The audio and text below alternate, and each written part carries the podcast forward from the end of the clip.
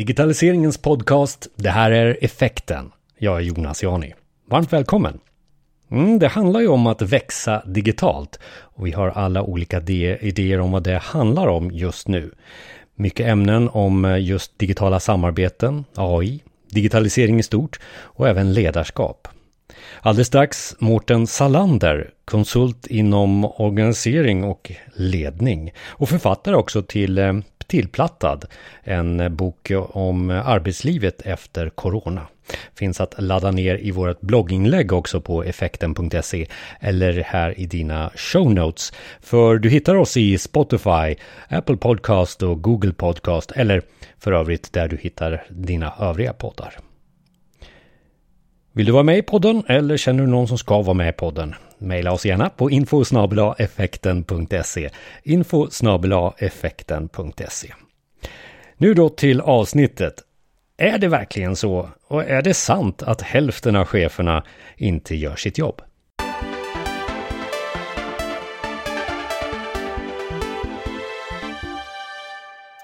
Välkommen till podden då, Mårten. Ja, tack så mycket Jonas. Jo, men vi var ju nyfikna här eh, och från våran vinkel om digitaliseringen så, så, är det väl så att vi undrar om det nuvarande läget och hur det påverkar arbetslivet i stort. Ska vi börja där?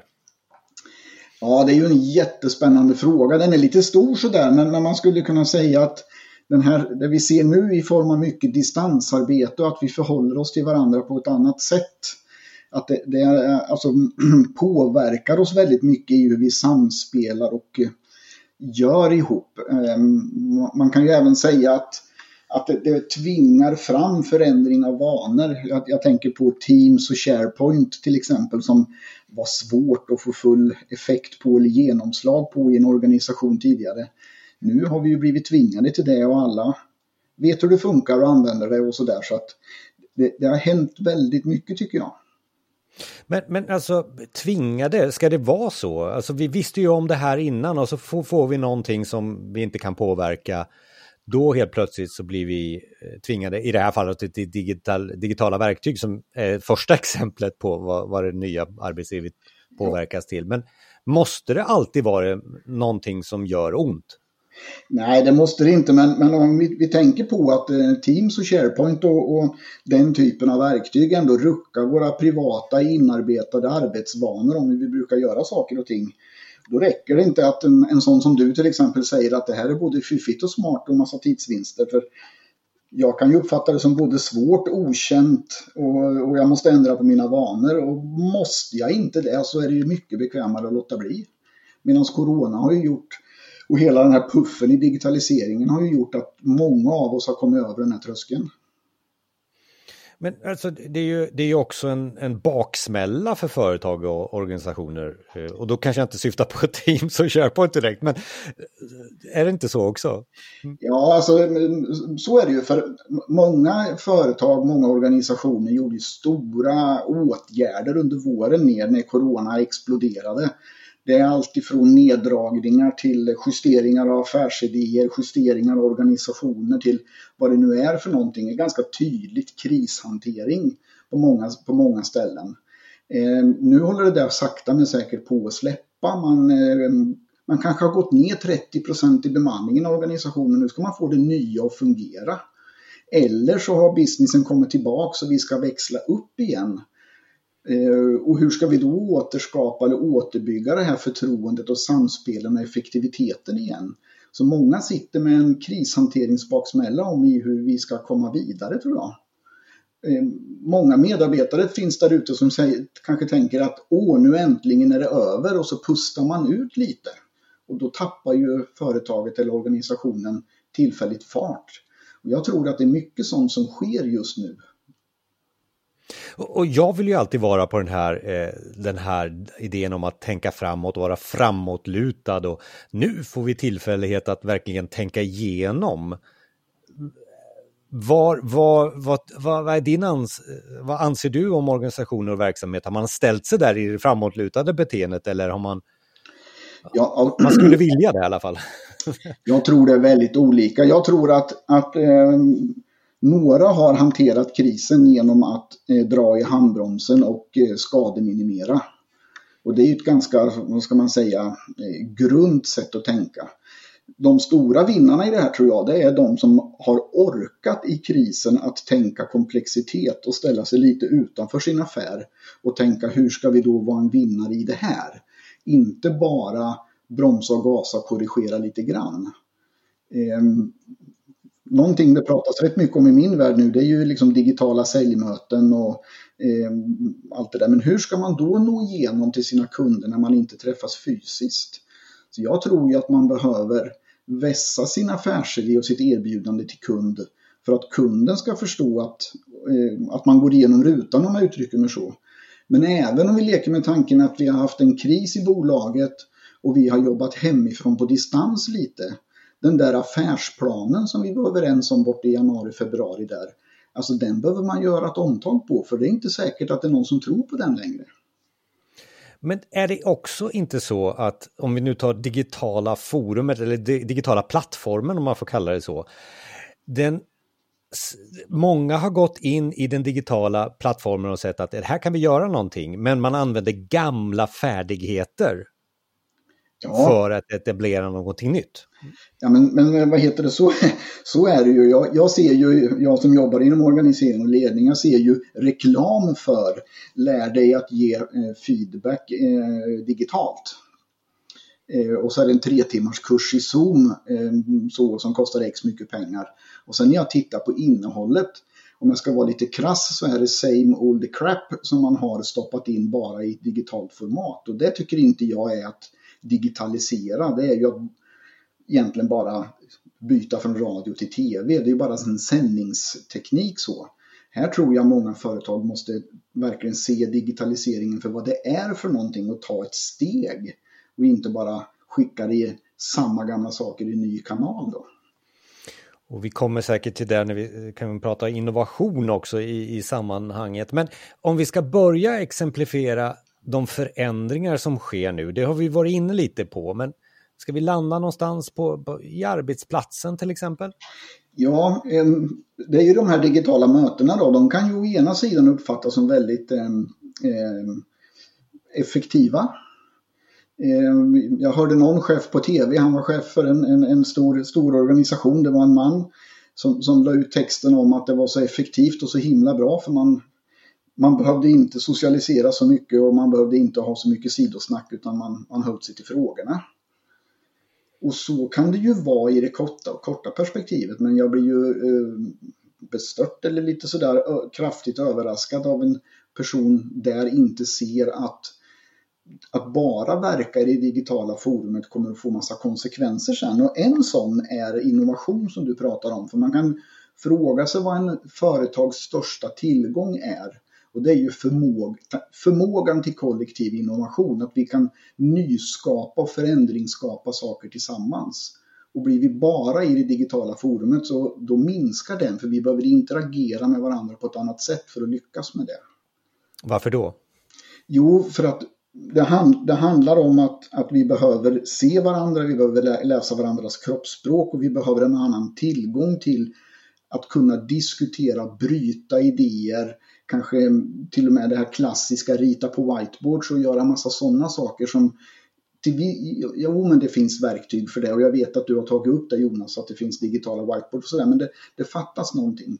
Så att vi måste mixa digitalisering och digitala möten med att välja ut när vi faktiskt måste träffas. Men det här blir ju en jätteutmaning för alla. Det är både för, för ledarskapet och, och, och medarbetaren. Eh, och, och, och, jag som också jobbar som ledare, jag, jag känner ju ett, ett, ett, ett, ett eh, alltså att tillgängligheten och att hela tiden kommunicera har ju ökat eh, 200 procent. Ja, och jag kan tycka att det nästan har blivit överdrivet. Eh, alltså det, eh, många vittnar ju om det, att det är liksom en, en strid ström av digitala möten. Då ska vi checka in på morgonen och så ska vi ha virtuell fika lite senare och sen ska vi ha digital eh, AV innan vi går hem på, på fredagen. Men jag tror att pendeln kommer att slå tillbaka som gör att vi hittar formerna exakt för det här ska gå till. Men, men, men, men det är, jag känner igen mig, det är därför jag försöker. Visst har vi det, vi har ju alla de där sakerna som du är ute efter. Och det är väl ett sätt att, att, att, att finna innovation i det digitala också, är det inte så? Jo, men, men så är det, men man, man får ändå inte liksom se bort ifrån och, och den fysiska arbetsplatsen tror jag kommer att få en helt annan funktion. Alltså det, blir, det blir en plats för eh, interaktivitet, innovation, relationsskapande, att man, man, man tar de här utvecklingsstegen ihop. Och sen det vi kallar för arbete, eller som har mer av att svara på en upphandling eller eh, skriva en projektplan eller vad det nu kan vara. Det kan man göra på, på distans, inga problem. Och jag tror snarare att det leder till effektivitet för då kan vi djupkoncentrera oss istället för att vi hela tiden ska interagera med varandra på arbetsplatsen. Hittar man en mix här så tror jag att man kan få det bästa av två världar och att digitaliseringen får en väldigt positiv effekt. Ja, alltså nu har vi pratat ledarskap och det, det, det, det är ju där du kommer ifrån också lite. Och, men, men alltså medarbetande det här då, det blir ju skottglugg till mycket, mycket interaktion från chef och, och så ska man göra sitt jobb. Och, vad händer med medarbetaren tror du? Ehm, alltså jag tror ju att medarbetaren har, har, har det klurigt, eh, svårt. Eh, för man måste göra upp med en del kalla det gamla förväntningar eller gamla sanningar. Och synen på min chef är ju en sån. Som om att min chef alltid vet bäst, har överblick, eh, har beslut, eh, kan fixa eller organisera resurser eller budgetar eller vad det nu är för någonting. Om man tänker sig in i en mellanchefs eh, eller en chefsposition så kanske man har 16, 14, 18 direktrapporterande. Vi har en hög grad av distansarbete om jag inte riktigt förstod vad mina medarbetare gjorde innan, för att de kanske är specialister av olika slag, så gör ju distansarbetet att jag, det kommer bli ännu svårare. Och hur ska jag då kunna ge mina medarbetare feedback eller eh, stöttning eller coachning och alla de här populära orden? Eh, som medarbetare kan det ju vara så att jag måste göra upp med tanken på att min chef ska leverera allt det där i någon form av i distansform. För den är, jag menar att det är omöjligt om du leder mig på distans och vi träffas ganska lite och så ska vi ha ett lönesamtal sen. Och så ska du ha bra argument för att jag ska ha en viss löneutveckling.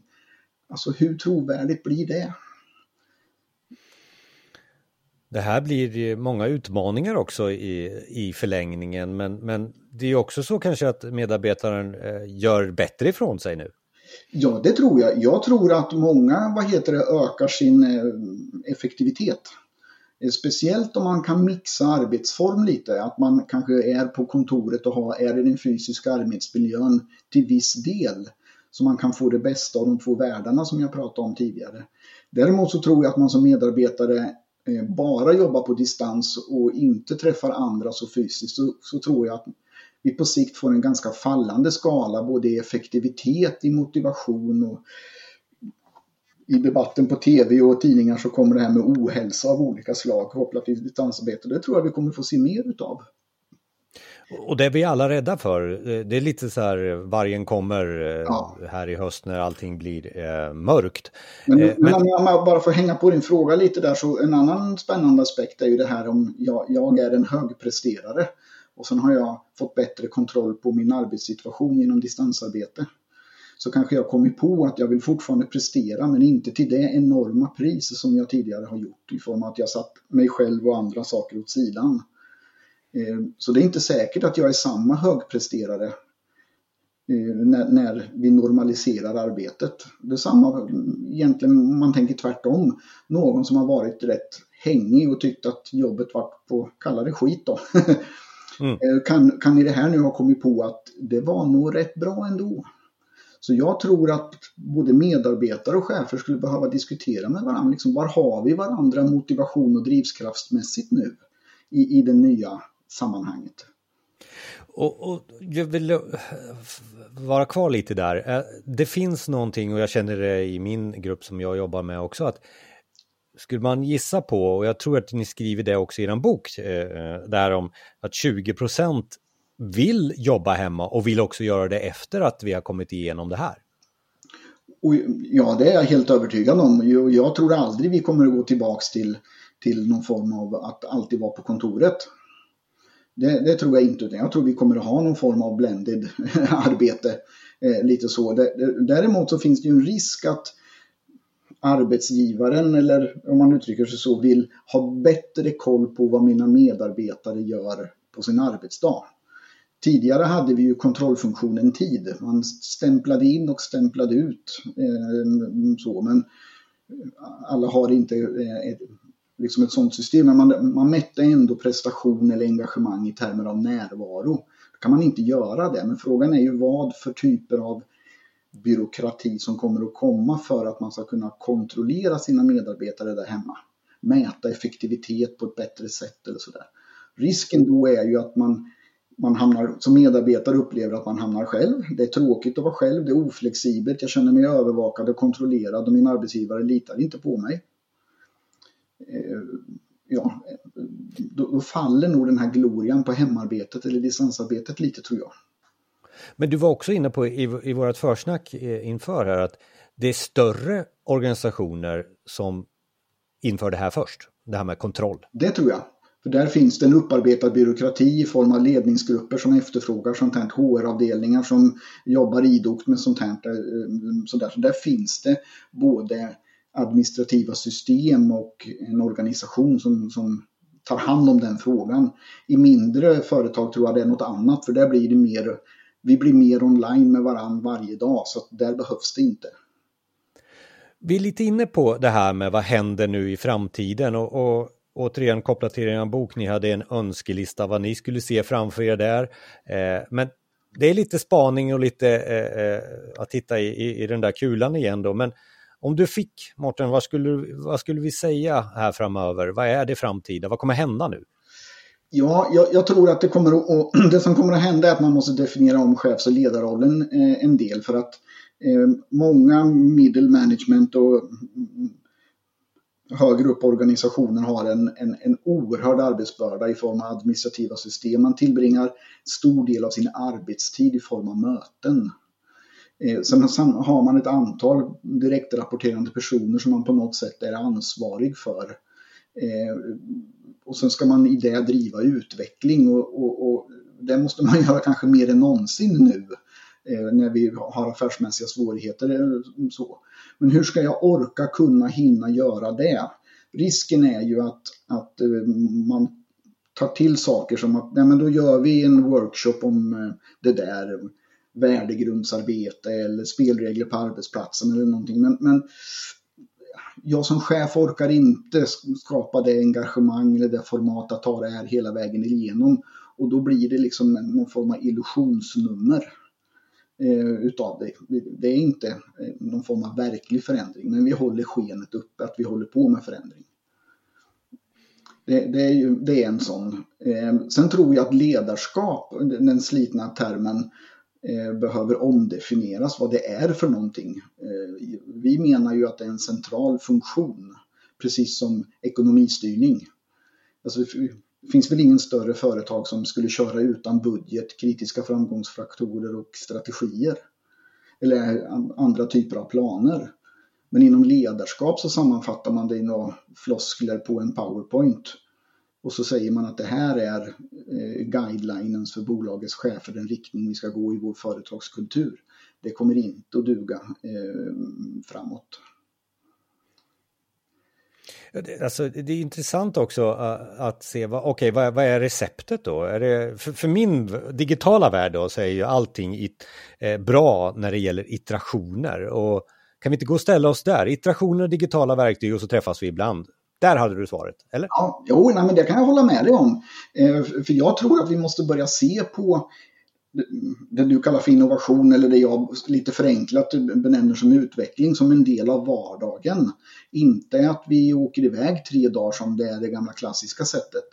Eh, eller att vi stänger in oss i eh, en hel dag i workshop på, på liksom något av kontorets konferensrum. Så där. Utan jag tror att man måste utveckla och vara innovativa och interagera, som du, iterera som du är inne på, i, i vardagen samtidigt som vi gör det vi kallar för leverans. Så jag tror man måste bygga ihop det på ett annat sätt, att det inte är olika saker. Precis som jag menar att ledarskap är ingenting man gör när man har tid eller eh, vid några givna punkter sådär, utan ledarskap är en funktion för att maximera bolagets lönsamhet. Inte konstigare än så. Ja, det blir ju mycket att tänka på här nu eh, framöver. Vad är, det, vad, är, vad är det vi ska ta bort och vad ska vi lägga till? Och det nya är baserat på sånt som vi inte har lärt oss än. Det tror jag.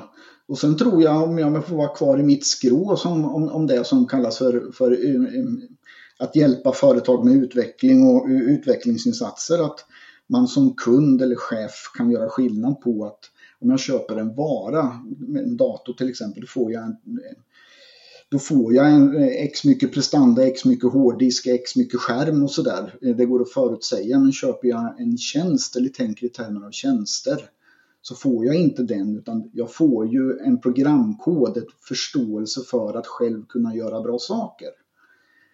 Men, men vi konsulter inom våran bransch, vi är mästare på att förpacka det vi har att komma med i koncept och snygga förpackningar så att det ser ut som en vara, ser ut som ett reklamblad för en dator. Och så kallar vi det för kommunikativt ledarskap eller agilt ledarskap eller värdebaserat ledarskap eller sådär. Bara för att det ska vara nytt och lätt och det ska vara något som går att, går att köpa. Jag skulle önska att många chefer varit smartare än så och såg vad de egentligen behövde hjälp med och vad de egentligen kan göra själva. Eh, ska jag sticka ut hakan lite så tänker jag att 50% av oss konsulter inom organisering och ledning, vi borde egentligen bli utan jobb. Om, om chefer, som du gjorde, mer, mer saker själva så skulle inte vi behövas och det tror jag skulle vara en väldigt bra utveckling. Vi gör många chefers jobb faktiskt. 20 minuter går väldigt snabbt. Eh, Mårten, vad tar vi med oss ifrån avsnittet tycker du?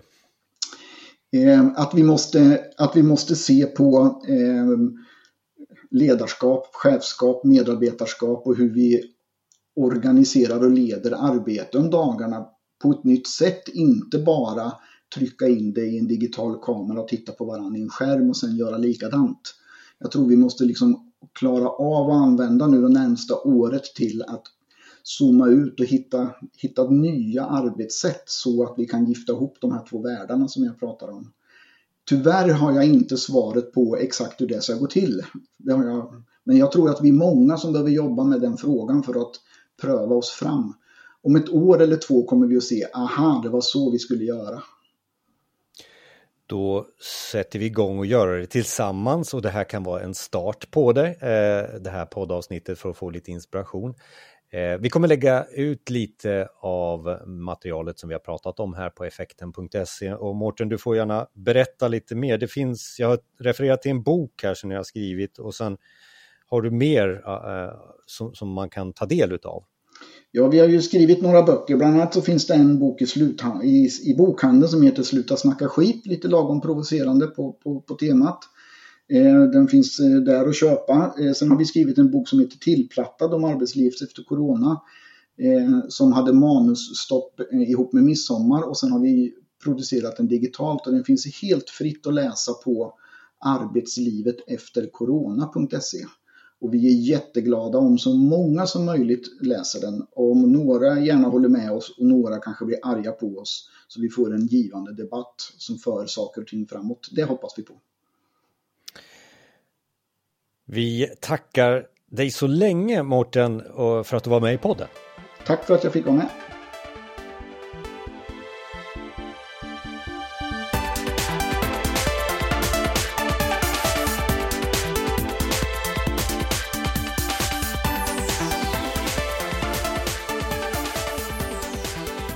Tack för att du lyssnar till digitaliseringens podcast Effekten och mer avsnitt finns där du hittar dina poddar eller effekten.se. Blogginlägg och kontaktuppgifter till Mårten även där förstås. Och vill du lyssna mer på avsnitt som har aktuella ämnen inom digitalisering, ja då finns de där. Eh, till exempel Omnichannel 138 har en avsnittsnummer eh, om att eh, finnas i alla kanaler samtidigt. Vi pratar också VR-möten om att mötas i VR, det kanske är nästa typ av möte, 137. Och är Amazon en vinnare? 136, vi pratar e-handel och det som förändras nu när Amazon kommer in. Och är vi digitalt lyckade nu? Eh, hur skapar vi möjligheter till digitalisering? Ett eh, temaavsnitt på 135 och även tema på i avsnitt 134 då vi pratar om eh, pandemin och det här med digitalisering. Och hur ser det ut i nästa år, 2021 alltså, i 131 avsnittet där, ja då pratar vi om framtiden. Och är det så att det finns en digital injektion och hur ska vi förändra eh, våran kommunikation och hur är vi medmänskliga? Det pratar vi om i avsnitt 130, 129 och 128. Tio avsnitt bara där, där jag tipsar dig om att lyssna vidare på ämnet digitalisering i podden Effekten.